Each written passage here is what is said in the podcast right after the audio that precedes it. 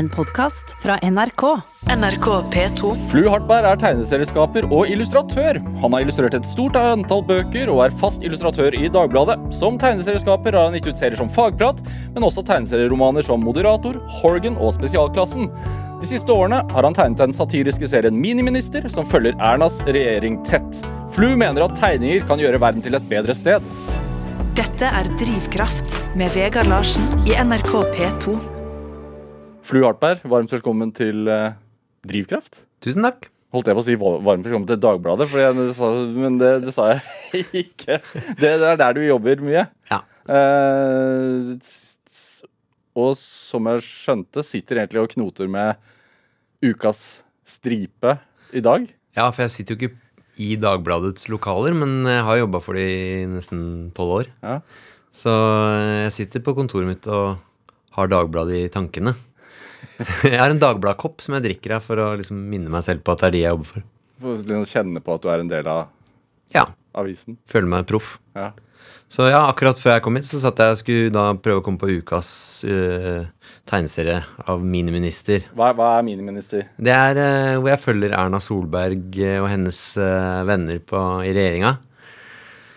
Så det er en blanding av aktuelle saker som har skjedd i politikken, men miksa med litt sånn fri fantasi og mye popkultur og tull og tøys.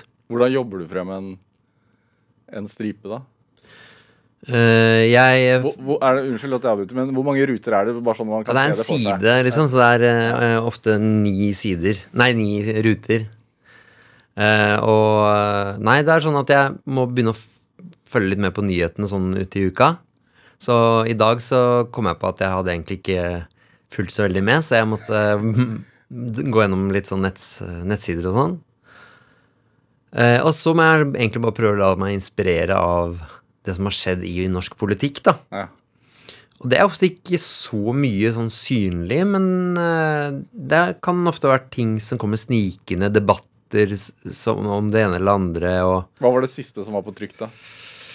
Eh, av miniminister. Ja. Å, nå spør du vanskelig. For jeg synes det er innmari Når jeg leverer den fra meg på fredager, så er den liksom ute av uh, hånda mi. Uh, så det husker jeg rett og slett ikke. husker ikke. Nei, Nei, jo- Nei jeg gjør ikke det. Men om, om du kunne komme med et eksempel på en hendelse som har blitt til en, en miniminister Uh, Ja, riktig sånn, ja.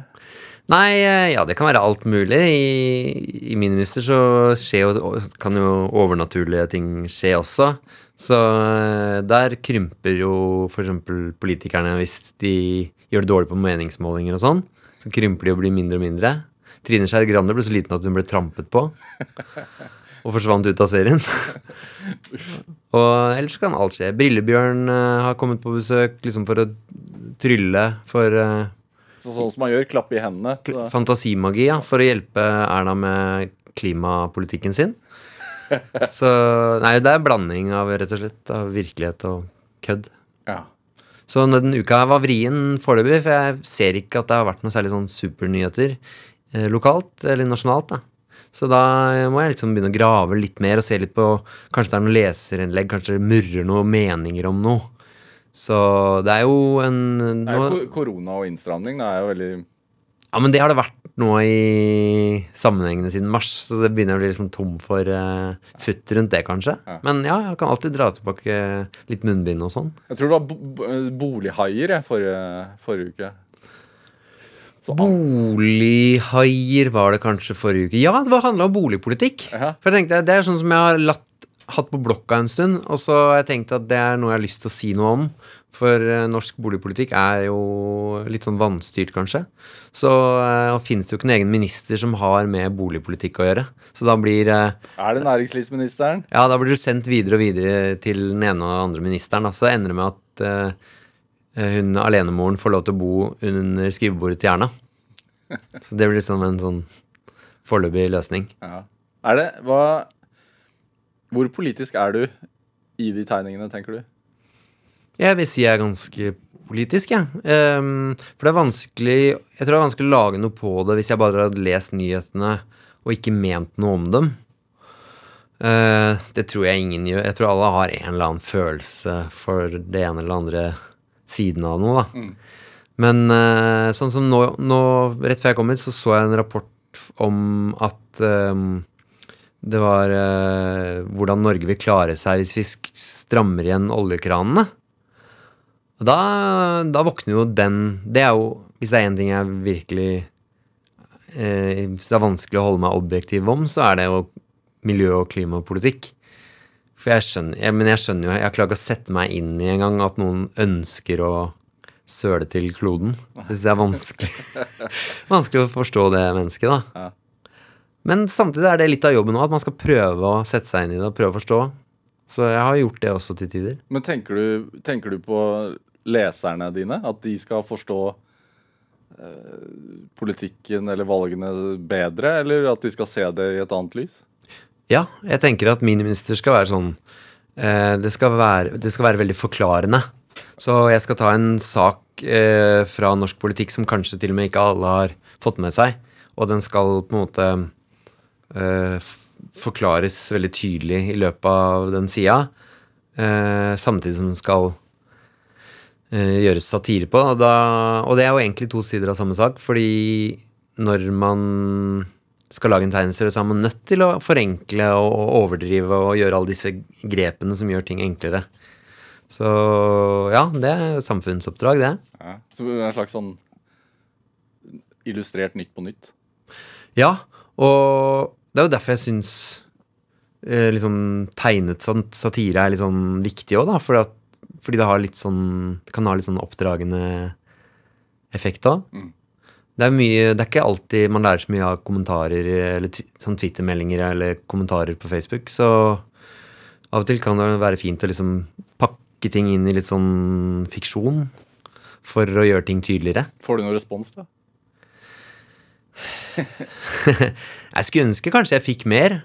Uh, men uh, Men den lever jo også litt sitt eget liv ute på nett, den serien. Sånn at uh, jeg følger jo ikke opp hva folk måtte mene om det etter den har havna ute i verden, på en måte. Men samtidig skulle jeg nok ønske at den kunne trampet litt mer rundt blant folks liksom internett hverdag, da. At, det, at, den var litt mer synlig sånn sett. Folk er veldig opptatt av uh, veldig mye annet enn en politisk satire også. Er det, er det, har du blitt refusert noen gang? Av avisen? Sånn Nei. Flu, dette her går ikke. Nei, Dagbladet har aldri sensurert meg. Ikke med fagprat heller? Nei. Nei. Det var en Altså, det var jo Jeg har jo hatt litt reaksjoner eh, på enkelte striper. Eh, og det har blitt litt sånn tumulter. Og da jeg, dagen etter så ville jeg ha enda en sånn skikkelig provoserende stripe. Og da sa redaktøren min at kanskje du skal vente litt, i hvert fall. Og puste litt. Hva var det du, hva, Hvilken stripe? Hva er det snakk om nå? Nei, det var fordi at jeg hadde skrevet en stripe om, eh, om, om omskjæring. Som er et kontroversielt uh, tema innenfor en del religioner og sånn. Så da fikk jeg israelsk ambassade og litt forskjellig etter meg. Så eh, min stakkars redaktør måtte sette av en dag liksom og bare jobbe med reaksjoner fra, for den stripa og Dagsnytt 18 og alt mulig. Jeg slapp jo unna. Jeg satt jo bare på jobb, jobb og hadde det liksom på avstand. Og da syns jeg det var så mye teite reaksjoner. For det er redaktøren som må ta det? Ja, hun, heldigvis kan hun ta det. Men, eh, men dagen etter da, så syns jeg jo at det hadde vært så mye teite reaksjoner. Altså måten å reagere på som var så hårreisende. Så jeg hadde liksom Jeg hadde liksom lyst til å lage humor på det. Men det ble både litt for internt og litt sånn too soon, kanskje, da. Så jeg lot den hvile litt. Hvilken slagkraft har uh, avistegneseriene i dag? Nei, det er jo uh, for, Ikke for å for å være grotesk, men altså, folk mister jo hodene sine av tegninger. Så det kan jo ha ganske fatale konsekvenser. Så det er en sånn dobbeltsidighet der at ja, det er åpenbart kraftig Det kan ha kraftig effekt. Uh, og noen av de Ja, noen av de mest sånn tydelige budskapene rundt omkring også på nettet er jo ofte bilder og tegninger. Samtidig så blir jo, syns jeg, at tegninger blir uh, stemoderlig behandlet av mediene sånn uh, at ja, jeg skulle ønske tegning fikk, hadde en mer sentral plassering.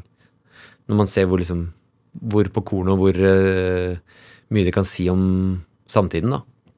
Så det er den dobbeltsidigheten der. Ja, jeg mener at det har ganske sånn sprengkraft, men, men at det blir litt sånn uh, ku, Ja, blir litt sånn uh, lite brukt, da.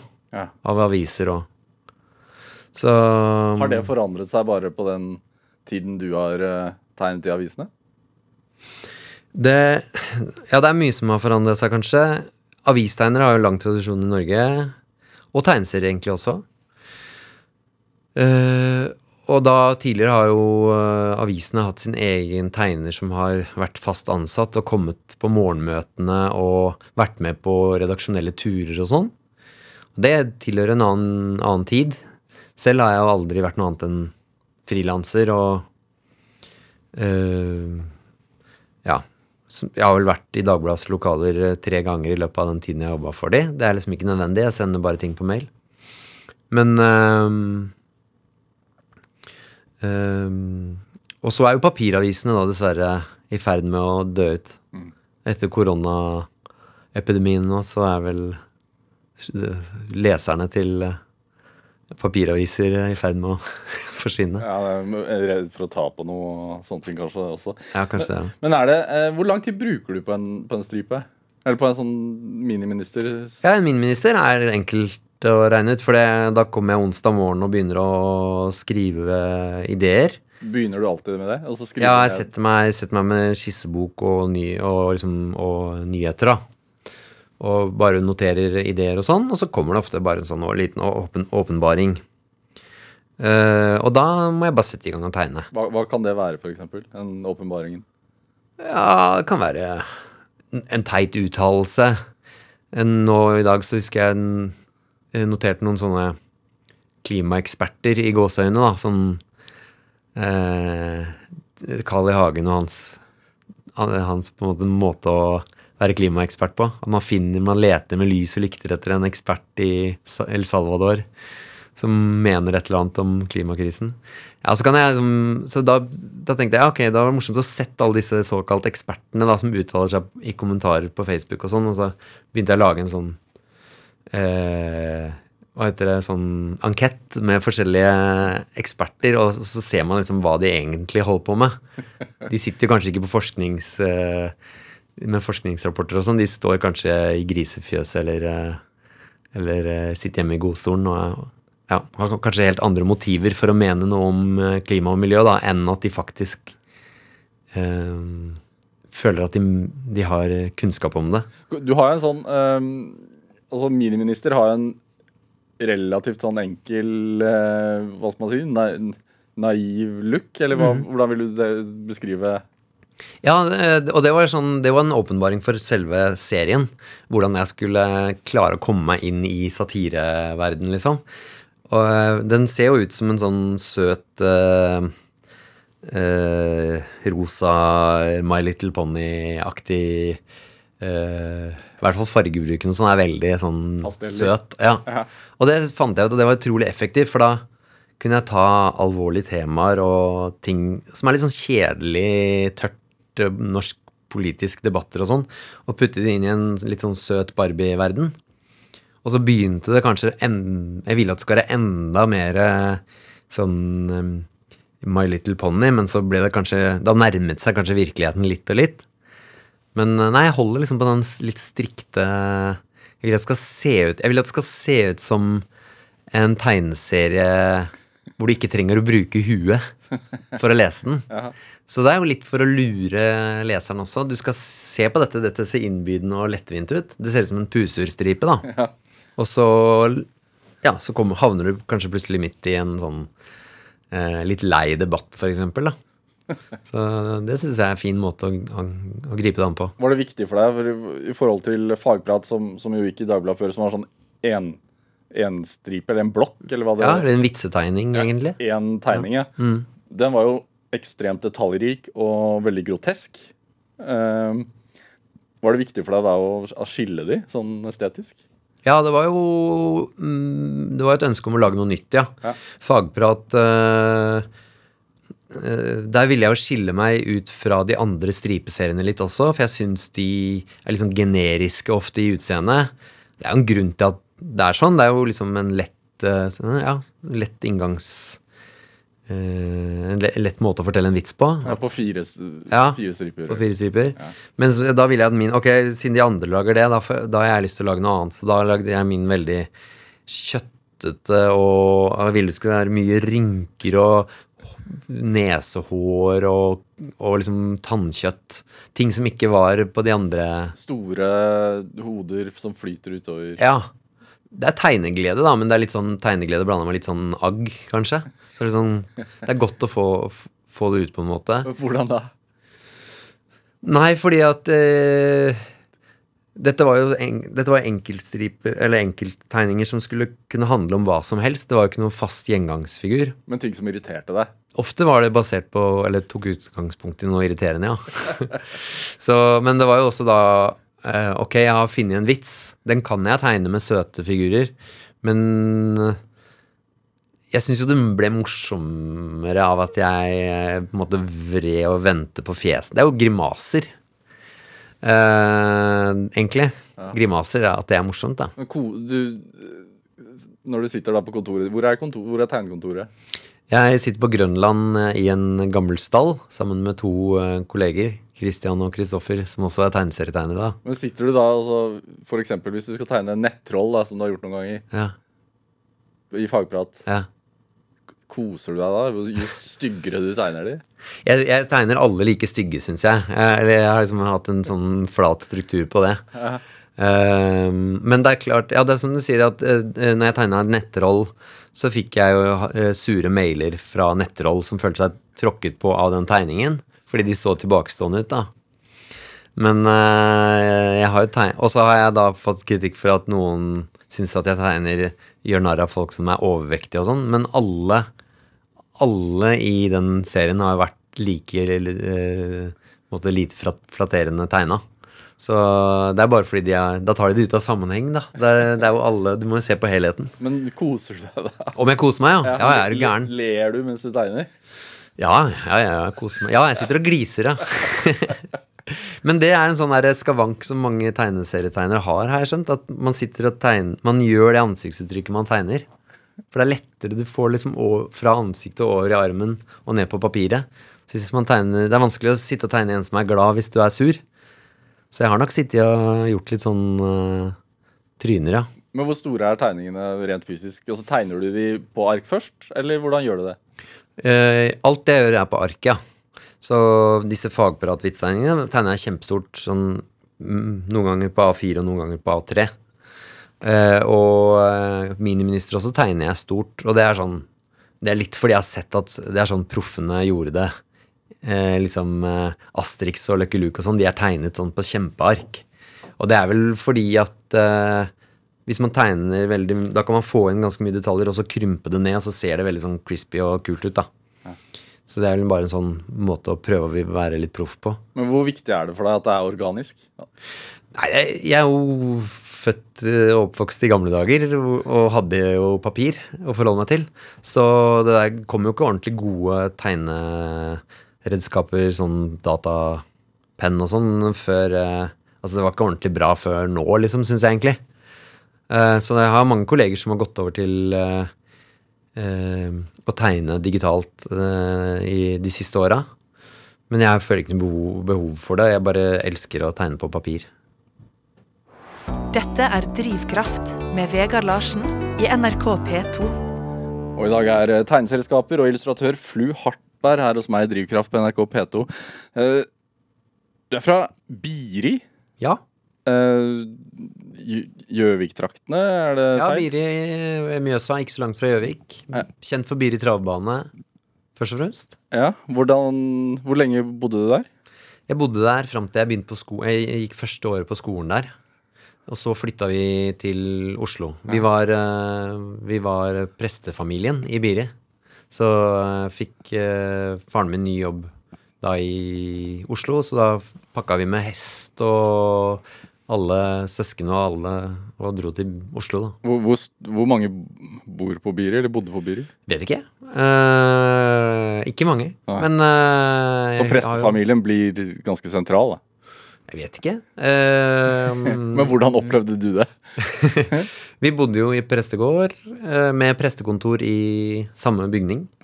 Så det var en viktig del av uh, Rett ved siden av kirka. Ja. Det var en viktig del av oss. Hvordan da? Nei, at vi hadde folk inn og ut som skulle til presten, da. Det var jo på en måte en glidende overgang mellom prestevirksomheten og familien Hartberg. Hvem er det som oppsøker presten? Alle. I hvert fall var det det da. Eh, det tror jeg det, det tror jeg både var psykolog og akutt eh, psykiatrisk og eh, folk med ja, ja, brylluper og gravferder og alt. Så ja da, det var mye karakterer innom der òg. Og så ringte, og så hadde vi felles telefonlinje med prestekontoret, så folk ringte hvis de hvis de var suicidale eller eh, eller trengte noen å snakke med, ja. Husker du noe av det som barn, eller er det noe Jeg husker bare at vi sa Hartberg, vær så god, og så, og så ba de om Hvis de skulle snakke med presten, så måtte vi rope bort at uh, det var til Det var til presten, da. Ja. og Faren din var presten. Ja, faren min var presten. Var moren din jobbet også Nei, moren min er sykepleier, men hun var jo på en måte en slags um, Eller du er jo på en måte prestefrue eh, og varter opp litt eh, med sånn Du har mye sånn Veldig mye selskapeligheter i huset, da. Av sånn type Ja, kirkekaffe og bibelgrupper og sånn. Så det er også mange minner fra at det var jeg husker det som at det var bare veldig gamle mennesker, men det var sikkert litt forskjellig. Men mye sånn koselige gamle damer som lukter er så spennende. Og som, eh, og som klapper deg på, på hodet, og så løper jeg kanskje rundt, og så var det noen gode snitter ikke sant, som vi måtte vente med å spise. Så mange kule sånne Mange veldig sånne smaks- og fargesterke minner. Ja. Så det var innmari kult. Veldig spennende hus å vokse opp i, egentlig. Ja, Selv om det lå midt ute på et jorde. Ja, Og så er man vel da i veldig nærkontakt med, som du sier, altså både dåp og begravelse. Ja, Hele livsspek og, husker- og bryllup, altså er hele livsspekteret. Ja. det er sant, det. Jeg husker de, jeg husker de gravfølgene sånn, sånn sakte som kjørte forbi huset, sånne gravfølger og sånn, ja. Men, eh, men det, er, det er noe med at det man vokser opp med, er jo det normale, sånn at uh, selvfølgelig vi Altså, det, og kirka var liksom arbeidsplassen der, og veldig mye foregikk der. Så det føles jo ikke noe rart i øyeblikket. Nei. Det er jo bare sånn Sånn er det. Hva, hva, hvor sentral var Gud da i oppveksten? Han var eh, til stede sånn veldig i formalitetene, egentlig. Ikke så veldig mye sånn som en person, eller som eh, Ikke så veldig sånn følelsesmessig, kanskje, men at han Men at eh, mm, Ja, men eh, som en sånn naturlig Naturlig overhode. øverst, øverst eh, liksom kontrollorgan. Ja. Er det? Men eh, Du, eh, du kom jo ut med en slags, en slags selvbiografi, vi får kalle det det. Bøtte, som kom for et, eh, et kort år siden. ja. Eh, hvor du beskriver deg selv, og der skriver du at du hadde en ganske sånn tøff start på livet. Så er det. Ja, du skriver det i starten, at du vokste opp med pustebesvær. Ja, men det var ikke så veldig tøft. Eh, men jeg har fått med litt dårlige lunger, ja. Men jeg, jeg tenkte ikke på det som noe sånn Jeg tror ikke jeg tenkte på det som noe sånn veldig traumatisk. Men, og igjen, jeg var vant til det. Men jeg var nok eh, veldig lite aktiv, ja. Sånn at, eh, og jeg eh, foretrakk jo mye sånn stillesitting og være inne og, og tegne, da. Og lese tegneserier og gjøre sånne inneaktiviteter. Men du hadde jo Jeg foretrakk det framfor å løpe ute, da. Mye. Men kunne du løpe ute? Jeg Var ikke så veldig glad i det, for jeg ble fort andpusten. Men, eh, men eh, Og så var jeg mye på Det er riktig at jeg var mye på astmasykehus og sånn de første åra. Uh, sånn at hvis uh, en en sånn um, terapeut kunne sikkert funnet mye snadder sånn i det, men eh, Men igjen så, har jeg, så er det liksom det, det er sånn egentlig ganske hyggelige minner jeg har om det. Sånn astmasykehus og snille doktorer og sånn. Men hvor viktig tror du det, faktisk har vært for karrierevalget ditt? Ja, jeg vet ikke, men eh, det kan jo hende at uh, Jeg ble god til å tegne fordi jeg uh, Fordi jeg var så glad i å sitte inne, da. Ja. Hvis jeg hadde vært, hatt en rakett i ræva og løp rundt hele tida og klatra i trær istedenfor, så Eller fikk lov til å se så mye TV jeg ville, eller at det var andre ting som dro meg vekk fra tegninga, så kan det hende at det hadde gått annerledes. Men eh, jeg føler jo at jeg har eh, alltid hatt en eh, si, skapende Et ønske om å skape ting. Enten det er tullekassetter, liksom, eller Ja, jeg bare lagde ting hele tida. Ja. Men når skjønte du at du likte å tegne? Jeg fikk fort det imaget liksom i søskenflokken. Ja. For det er fem søsken. Er fem søsken, og jeg, og jeg er den yngste. Så de andre mm, ga meg vel fort liksom beskjed om at eh, eh, Eller kommenterte at jeg tegna mye, og at de var imponert, at selv om jeg var liksom to-tre år, at jeg kunne lage tegne såpass bra, da. Så mm, det er jo veldig oppmuntrende. Så jeg lagde jo liksom Jeg begynte jo å masseprodusere liksom tegneseriestriper og sånn bare for å vise til eh, For å lage til søsknene mine og sånn, da. Eh, å få de til å le av en stripe, liksom, var jo helt ubeskrivelig kult. Og det er fortsatt Jeg kan jo fortsatt liksom ha de, de selvfølgelig i bakhodet når jeg liksom har den lille sen selvsensuren om er dette morsomt nok, eller Og du har søsknene dine i bakhodet? ja, de er blant de Det, det er ganske mange der etter hvert, da. Men de er helt klart en del av eh, den derre ja, De er kanskje bare blitt en del av min egen dom over hva som jeg syns er bra nok eh, og morsomt nok, og sånn, og ikke. Er de en tøff, et tøft publikum? Ja?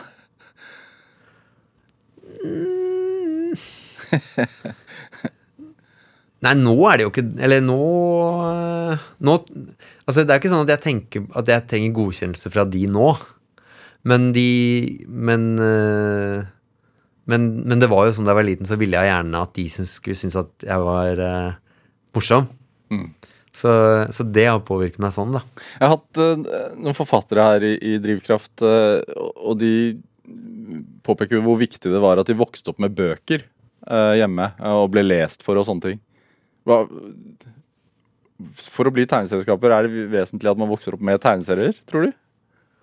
Kanskje. Var det det for deg? Ja, jeg hadde et utvalg. Vi, søsknene mine Altså, foreldrene mine leste ikke tegneserier, tror jeg, men men eh, søsknene mine leste jo i stor grad eh, Ja, Donald, selvfølgelig. Eh, var jo overalt. Hvor tror du, vesentlig tror du det har vært for norske tegneserieskapere? Eh, jeg tror det har hatt eh, veldig stor betydning. Ja. Jeg tror Eller Andeby ble så er, er som, Vi føler at det er norsk, ikke sant? Og i stor grad ble vel kanskje det, de seriene også lagd har jeg skjønt i ettertid, at de er i stor grad blitt lagd for det norske markedet. Selv om det beskriver en veldig sånn amerikansk eh, verden, så er det liksom Attituden til Donald er jo erkenorsk. Hvordan da? Nei, han er jo en perfekt karakter sånn sett, for han er jo liksom egoistisk og eh, amper og oppfarende og Men drømmende og liksom ehm, En omsorgsperson, men med kort lunte, liksom. Så det er helt uh, ny Altså, det finnes ikke noe bedre Jeg syns ikke det fins noe bedre karakter, egentlig, sånn verken i film eller litteratur enn en Donald. Men Var det han som var familiens favoritt? Han var viktig, uh, men han var nesten selvskreven, på en måte. Um, men knøttene var høyt, høyt oppe. Uh, som traff litt på det der med at Kanskje det traff litt den der kirkelige bakgrunnen vår også. At Knøttene var tross alt en serie som var veldig sånn Altså han eh, Schulz som Tegn- altså skaperen av han som Knøttene. Ja, han som lagde Knøttene. Han, han var jo en religiøs, veldig religiøs mann selv. Som kanskje gjenspeiles litt i stripene. At det er veldig sånn Ja, hvordan ser man det egentlig? Det er i hvert fall sånn Det er i hvert fall en respekt for den type ting, da. Den er i hvert fall ikke, den er i hvert fall ikke helt sånn eh, antiautoritær, kanskje. Men den er jo smart. Den er jo intellektuell og smart, og den er jo eh, vittig på en sånn litt sånn krypende måte. Humoren kommer snikende, liksom, i knøttene. Så det likte vi veldig godt. Eh, alle egentlig der hjemme. Og så, så vi hadde Jeg hadde en, en storebror som er, alltid har vært helt vanvittig opptatt av Snoopy og Knøttene. Og så, så han klippa ut um, striper som vi hadde overalt, og til og med på Hang vi det på juletreet. Vi hadde det som en del av julepynten, som var sånn tradisjon i mange, mange år. Hvor de Da er tegneserier ganske sentralt i hjemmet, da. Ja, ja, ja. Så det var, det var kanskje sånn veldig kjennetegn på vår familie at vi hadde knøttene på juletreet. Og da var det en stripe på hver side, så de snurra så man kunne liksom lese striper når man gikk rundt juletreet, ikke sant? Men så, var det også sånn der egenproduserte sånn misjonslapper Eh, eh, hvor det sto sånn eh, Hvor det var bilde av de forskjellige landene hvor Norge drev misjon. Men altså, når du vokser opp det var en bra blanding, syns jeg. Når du vokser opp på Biri, eh, og det Ikke noe galt om det, altså, men det er jo ikke verdens navle, holdt jeg på å si. Hvor vesentlig tror du tegneserier var for deg som ung gutt? Jeg tror jo kanskje en tegneserietegner vil, kan like godt vokse opp i New York som på Biri. Ja. På Hvorfor det? en måte. Nei, fordi du er inn, Det som skjer, det skjer inni deg. I huet ditt. I stor grad. Ok, man blir jo påvirka av uh, Man får inspirasjon utenfra og typer og karakterer og alt mulig, men uh, Men eh, men det, er jo, men det er jo mm, til syvende og sist eh, liksom bare en oppkok oppi huet ditt som får utløp på et ark, og det kan jo skje hvor som helst. Du trenger jo ikke noe utstyr eller noen ting, ikke sant? Hva slags utløp merket du i ung alder at du fikk da, da du tegna?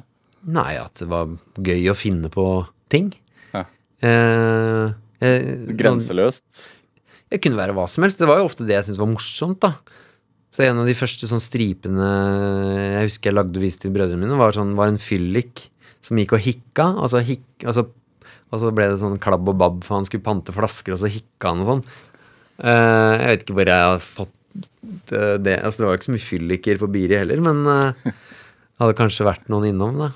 Men uh, det Det er bare sånn Det er bare et artig scenario som jeg så for meg. Eller kanskje var inspirert av noe sånt på TV og sånn men Men det er jo sånn jeg holder på fortsatt. Det er jo bare å drodle fram ting inn i huet. Du, du sa det at uh, hvis du hadde fått sett ubegrensa med TV, eksempel, så hadde det kanskje ikke blitt sånn. Uh, men hva tenker du om det i dag? Altså tegneserienes uh, posisjon i dag i forhold til barn som vokser opp med mye skjermtid, eksempel? Ja, det er vanskelig å spå, da. Um, for hver generasjon har jo liksom sin, sin greie. Og vi eh, Jeg husker jo at det var et tema med all TV-tittinga vår. Ennå vi Jeg vokste opp med bare NRK, og så etter hvert et par kanaler til, men det var liksom Det var jo Ja, du skal ikke se for mye video, og du skal ikke Nå har dere sett video hele, hele helga, liksom. Eh, men det var jo sånn Det har jo ikke noe å si, det, så lenge man har en personlighet som man, som man kan få utløp for forskjellige ting. Men akkurat å lære seg en ting, lære seg å bli god på å spille gitar eller, eh, eller tegne og sånn, det krever jo litt eh, krever noen timer øving, da. Så eh, Men jeg tror alltid det vil finnes jeg tror alltid det finnes barn som, som blir bitt av den basillen der. Jeg er jo ute en del blant barn og ungdom. Ja, underviser de i tegneserieskaping og tegning? Ja, av og til så bare babler jeg og, om tegning og det jeg driver med, og av og til har jeg litt workshop og sånn, men en 11-åring, en 10-11-12-åring eh, De elsker jo å tegne. Eh, så Hvorfor slutter man da? For alle barn tegner jo. Hvorfor slutter man å tegne? Jeg tror ikke du slutter hvis du liker det såpass godt som det jeg og mange andre gjør. Men det kan jo få utløp på veldig mange måter, da. Det trenger jo ikke Alt ender jo ikke med en tegneserietegner. Og jeg også er veldig usikker på om Altså, jeg var, jeg var veldig bitt av Jeg var veldig, jeg var veldig fascinert av disse tegneseriene, og Mad, no, Mad disse der satiretegneseriene. Satt festa seg i meg, så jeg, jeg ville jo bli tegneserietegner, egentlig. Hvor tidlig da? Hele tida, så lenge jeg kan huske. Eh, men jeg tror jo helt klart at det de, de egenskapene som jeg eventuelt eh, har, da, som gjør at jeg kan mm, fikse og, gjøre, og lage disse seriene, de kunne jeg altså på en måte brukt på noe annet. Men da måtte jeg ha øvd meg på det istedenfor, da. Men eh, Men jeg, ja, jeg har prøvd litt forskjellige ting, og det er jo tegning som, som funker best for meg, da. Uh, Flu Hartberg, du, vi skal spille litt musikk. Du har med en Raga uh, Rockers-låt, 'Høydepunkt'. Hvor, hvorfor det? Uh, nei, den, det er flere grunner til det, men den uh, Jeg har eksempel lagd en tegneserie om Raga Rockers som jeg er veldig fornøyd med. Som handler om meg og gjengen da vi var ungdommer og hørte på Altså din, gutt, din kompisgjeng, liksom? Ja, min kompisgjeng fra jeg var eh, sånn 14 og 15-16. Da vi hørte vi på Raga Rockers hele tida. Eh, og så syns jeg låta er eh, herlig og handler om å bryte litt ut av eh, det miljøet man har vokst opp i. Ja. Og det har du gjort sjøl, eller? Jeg har, jo, jeg, jeg har jo brytt litt ut. Jeg var jo veldig opprørsk ungdom. La oss høre. Gjennom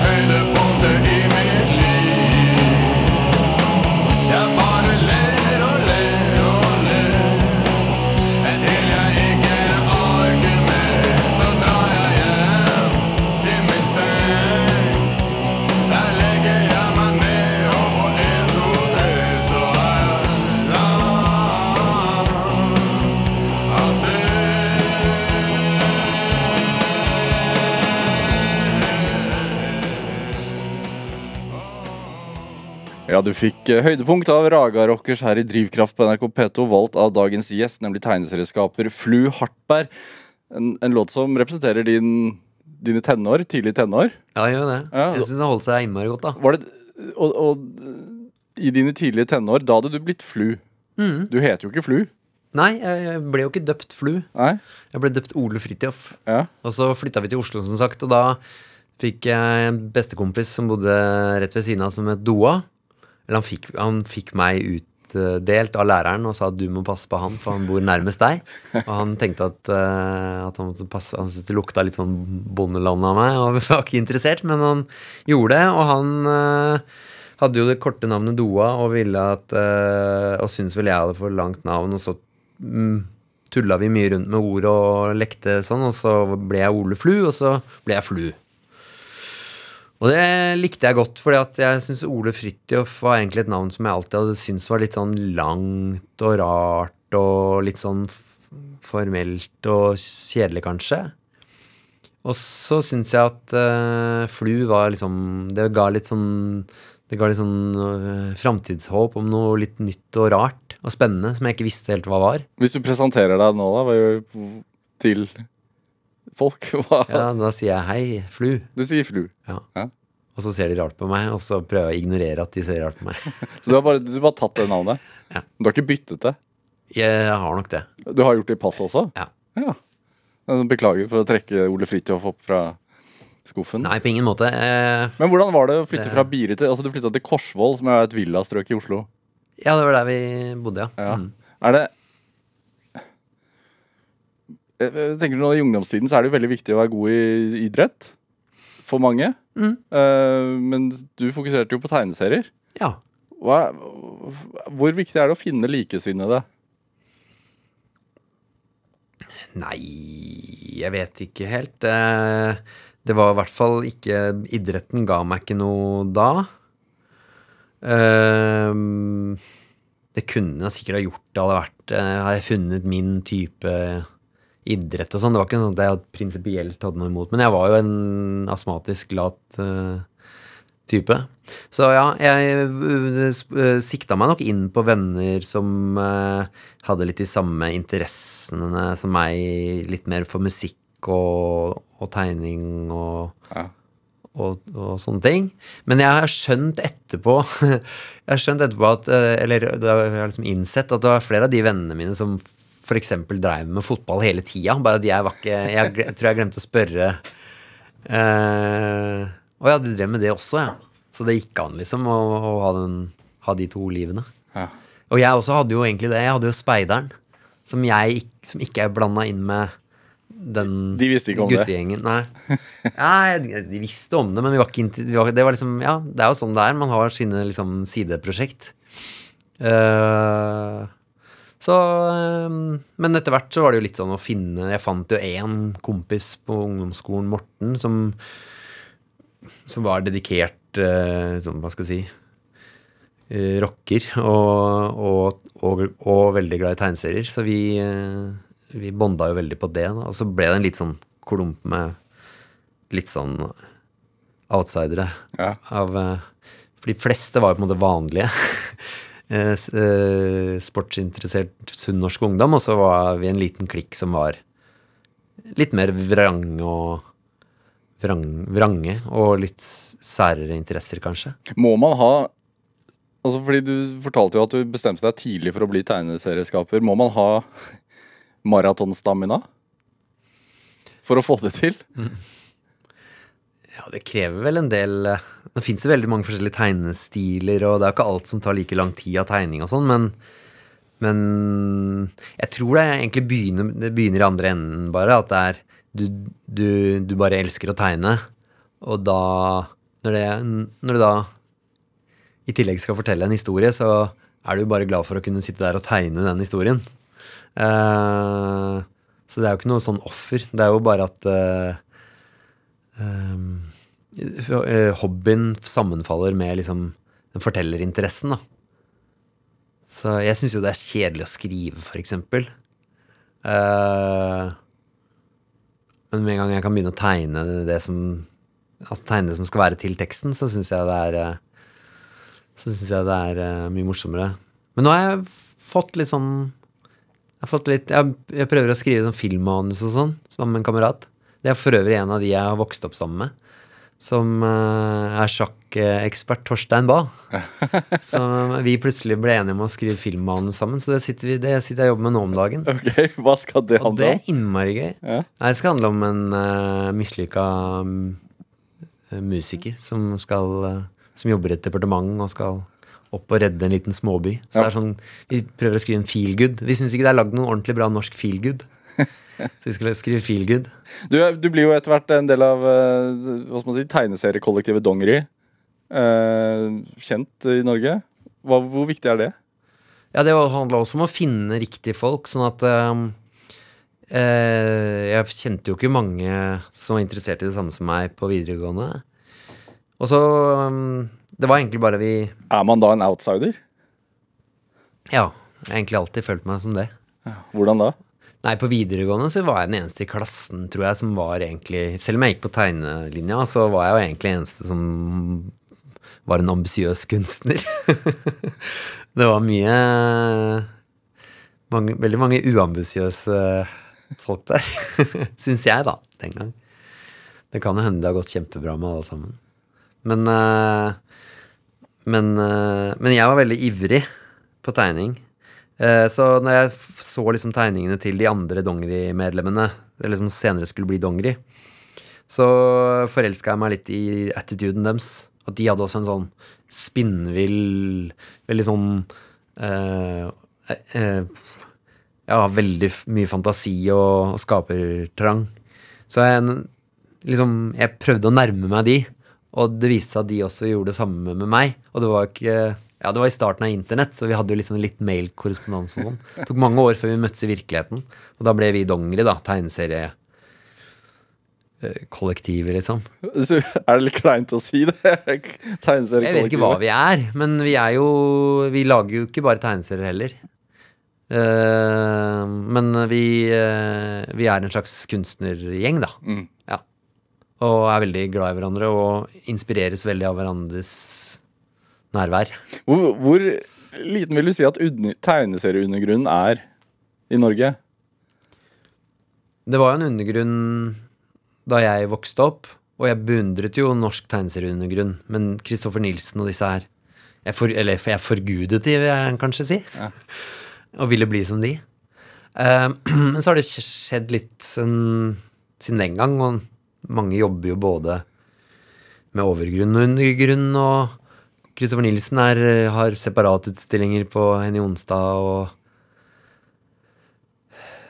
ting er liksom Ja, verden ser litt annerledes ut, så Men dongeri, vi følte oss jo veldig som undergrunn, da. Men så har jo vi også fått liksom hver våre karrierer.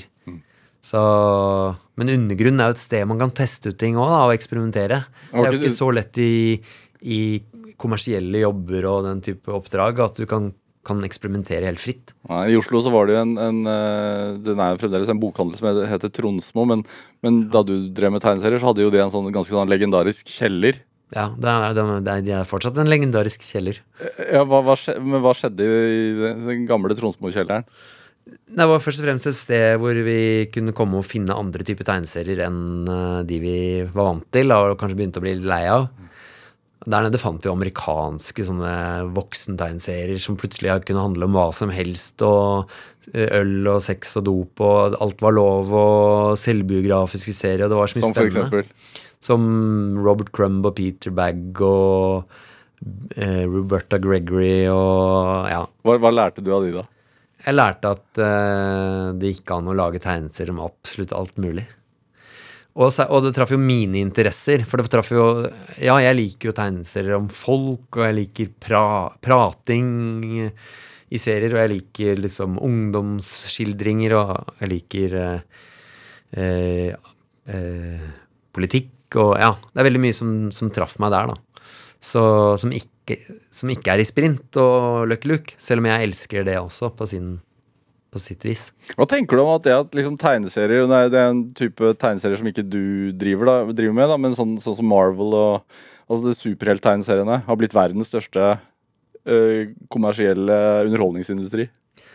Ja, det, det er spennende å ha fulgt med på det òg. Jeg har aldri interessert meg for uh, superhelter. Så det at de har tatt veien liksom fra tegneserieblader til film, for nå er det jo flere som ser de på filmen som leser bladene, sikkert. Eh, det, det må de gjerne gjøre, for min del. på en måte. Det er, eh, det er vel lettere å vise en actionsekvens på filmen i, i et tegneserieblad, kanskje. Ja. Så det passer fint. Og så har man da ventet til effekten er så, filmeffekten er så bra at nå, nå kan man lage hva som helst av fantastiske ting på film. Jeg er ikke så interessert i det. Uh, og da tenker jeg at tegneserier er jo fortsatt et perfekt sted å, å utforske andre type fantastiske ting, da, men mer fantastiske ting på en sånn menneskelig plan, og fantasi som ikke trenger å være eh, innebære muskler og våpen, men som kan være fantasi fra et sånt mer drømmeverden og ja. Uh, alt, som, alt som kokes opp oppi hodet, det er tegneserier et perfekt sted å, å få utløp for, da, syns jeg. Det trenger ikke å bli film. Nei, nei. Hvilke formål ønsker du at det skal fylle, da? Jeg, jeg syns jo jeg er heldig som at jeg får være med å lage tegneserier i en sånn avissetting. At jeg kan nå ut liksom, til litt eh, med litt ukentlig stoff. Og så syns jeg også at tegneserier funker dritbra til å fortelle lange, eller lengre historier. Så jeg har stor glede av liksom uh, Ja, av å, av å fortelle litt lengre historier også. Eh, Nei, men eh, jeg, er fortsatt veldig, jeg har fortsatt veldig tro på tegneserier som, eh, som forteller et måte, da. Og jeg tror det er veldig mye uutforsket. Som for Fortsatt. eksempel hva? Nei, det er jo ikke så tegneserier er ikke så gammelt. Det utvikler seg jo fortsatt, så måten man forteller på Og det er fortsatt mye man kan teste ut av både form og innhold. da. Dette er Drivkraft med Vegard Larsen i NRK P2. Og i dag er tegneserieskaper og illustratør Flu Hartberg her hos meg i Drivkraft på NRK P2. Du tegna Trump som president før han ble president. Ja, det gjorde jeg, søren meg. Ja. Spåmann. Spåmann. Snåsaflu. Ja. Rent tilfeldig? Eh, ja, det var eh, for en dansk avis så lagde jeg eh, en tegneserie om en, eh, at det ble født en eh, Eller det var en tenåringsjente som het Jasmin. Messias? som viste seg å være Messias. Og da eh, får hun jo innpass eh, hos de forskjellige mm, eh, Ikke sant Hun får, lov til å komme til paven, og da får hun også lov til å komme til, til Det hvite hus, og da, da var det litt uklart. Det, var, det nærma seg vel kanskje Jeg tenkte at jeg må finne hvem som skal være president i fremtiden. Men det var vel, han var vel meldt seg som presidentkandidat, men det var vel fortsatt bare en, en spøk, da. Så ja, jeg lekte med tanken. Ja. Det, og så veit jeg at du har et, eh, et, et, et sånn barnebokprosjekt for tiden med, om, om Ossie Osborne. Ja, Ossie Osborne. Det var han som skulle vært president i USA. Det har vært opp til meg. Han har vært med he- hele livet mitt. Ass. Han er sånn, sånn onkel som du elsker, liksom. Eh, Jeg bare elsker, elsker personligheten til Ossie Osborne. Ja, Hvordan vil du beskrive den for, for de som ikke kjenner han? ah, Koselig og lun, eh, og samtidig som han er liksom mørkets fyrste, ikke sant, i Og verdens beste rockevokalist. Så eh, jeg hadde bare lyst til å Altså, jeg er veldig, veldig opptatt av musikk, og, og så var barna litt interessert i Litt nysgjerrig på rocke, som jeg hører på også nå, så jeg tenkte det var kult å lage barnebok om rockemusikere. Da tenkte jeg han er den største stjernen å begynne med. Introdusere ungene for oss i Osborn Ja, så jeg har jo skrevet boka. Bare, jeg prøvde å få den finansiert med sånn folkefinansiering, da, sånn kickstarter. Så det gikk ikke helt, men eh, jeg får prøve igjen en annen gang. Men Du var mørkets fyrste til barna dine? Ja, men ikke sant, rockestjerner er jo så utrolig barnevennlige på en måte, fordi de er så De er jo larger than life, som det heter. De er jo liksom De er jo alt barn digger, egentlig. Sånn av sånn fantasifulle skapninger og kule kostymer og, og crazy liv. Så det er jo selvfølgelig er en kjempegod idé, syns jeg, å lage Lage det om til barnebøker. Kanskje for de aller minste barna også, sånn at de kan, kan begynne tidlig. Ja. ja, kanskje det. det, er gode. Hva, hva tegner barna dine, da? De tegner eh, fantasifulle ting, de, sånn som faren sin. Så Men de har nok litt annen um, De bruker nok tegning kanskje på en litt annen måte enn meg, men de, jeg ser at de, tegningen lever videre, den. Tenker du at man går Mister noe når, når man slutter å tegne? Ja, ja. Hva mister man? Nei, det er jo sånn som hvis du skulle slutte å lese når du var tolv, fordi, det fordi det føltes barnslig, eller slutte å skrive, eller slutte å høre på musikk. Altså, det er sånn Tegning er jo en, en av de menneskelige egenskapene som går lengst tilbake i sivilisasjonen, og som, er, som, har mest, ja, som har vært mest viktig for menneskets historie. Punktum. Ja.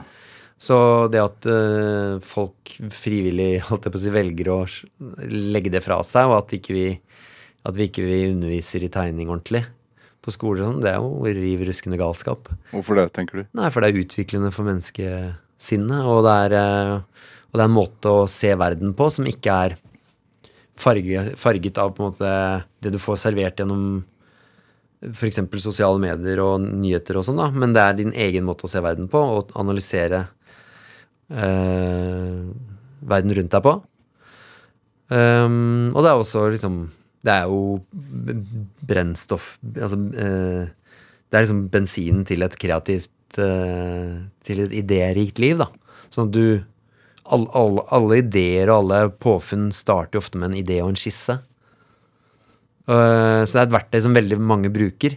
Men det blir ikke snakket høyt om, på en måte, og det blir ikke anerkjent som viktig nok til å ta inn i, ordentlig inn i, i skolen, for eksempel, da. Fordi barn også gjør det, liksom? Eller er det Barn skal få lov til å tegne litt, fordi det, det er noe barn driver med. Men det blir liksom ikke anerkjent som en som en viktig faktor, da. Hvor vesentlig er det, tror du, for å liksom bevare fantasi og se ting fra en annen vinkel? Jeg tror mange hadde hatt eh, stor glede av å opprettholde litt sånn Litt sånn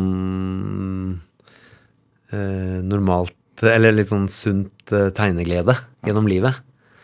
Uh, og så tror jeg, hvis du ser for deg en komité som sitter og skal avgjøre om, om det skal bygges et nytt, enda et nytt boligprosjekt, f.eks. i Norge, om det skal se ut som en grå uh, kloss, enda en grå kloss, eller om vi kanskje skal prøve å bygge hus som folk, mennesker skal bo i og leve eh, gode liv i, så ville det kanskje, hvis da folk hadde liksom trent seg litt på estetisk sans, så hadde kanskje så hadde kanskje det spilt inn også, da. For det virker som det alltid kommer nederst. eller Sånn, det virker som det veldig ofte eh, Det visuelle kvalitetene ofte, veldig, ofte kommer veldig langt ned. Da. Det er som en muskel som må trenes, det også. Ja, det er jo det. Altså, du, må, må bare være min, du må ha det langt framme i bevisstheten. Fluhartberg, en time går fort. Drivkraften din, sånn kort oppsummert, hva ser du at den er? Eh, jeg er bare utålmodig og litt sånn grådig på å få lov til å lage ting. Og da, da har jeg en eller annen motor inni meg som, som gjør det, heldigvis. Fint. Jeg vet ikke helt hvor det kommer fra. Jeg. Tusen takk for at du kom til Drivkraft. Bare hyggelig. Hør flere samtaler i Drivkraft på NRK på nett, eller last oss ned som podkast. Send oss også gjerne en e-post med ris og ros eller tips til mennesker du mener har drivkraft. Send den e-posten til drivkraft, krøllalfa, nrk.no. Pål Arvid Jørgensen- var dagens produsent og researchet også dette programmet. Jeg heter Vegard Larsen. Vi høres. Du har hørt en podkast fra NRK. Hør flere podkaster og din NRK-kanal i appen NRK Radio.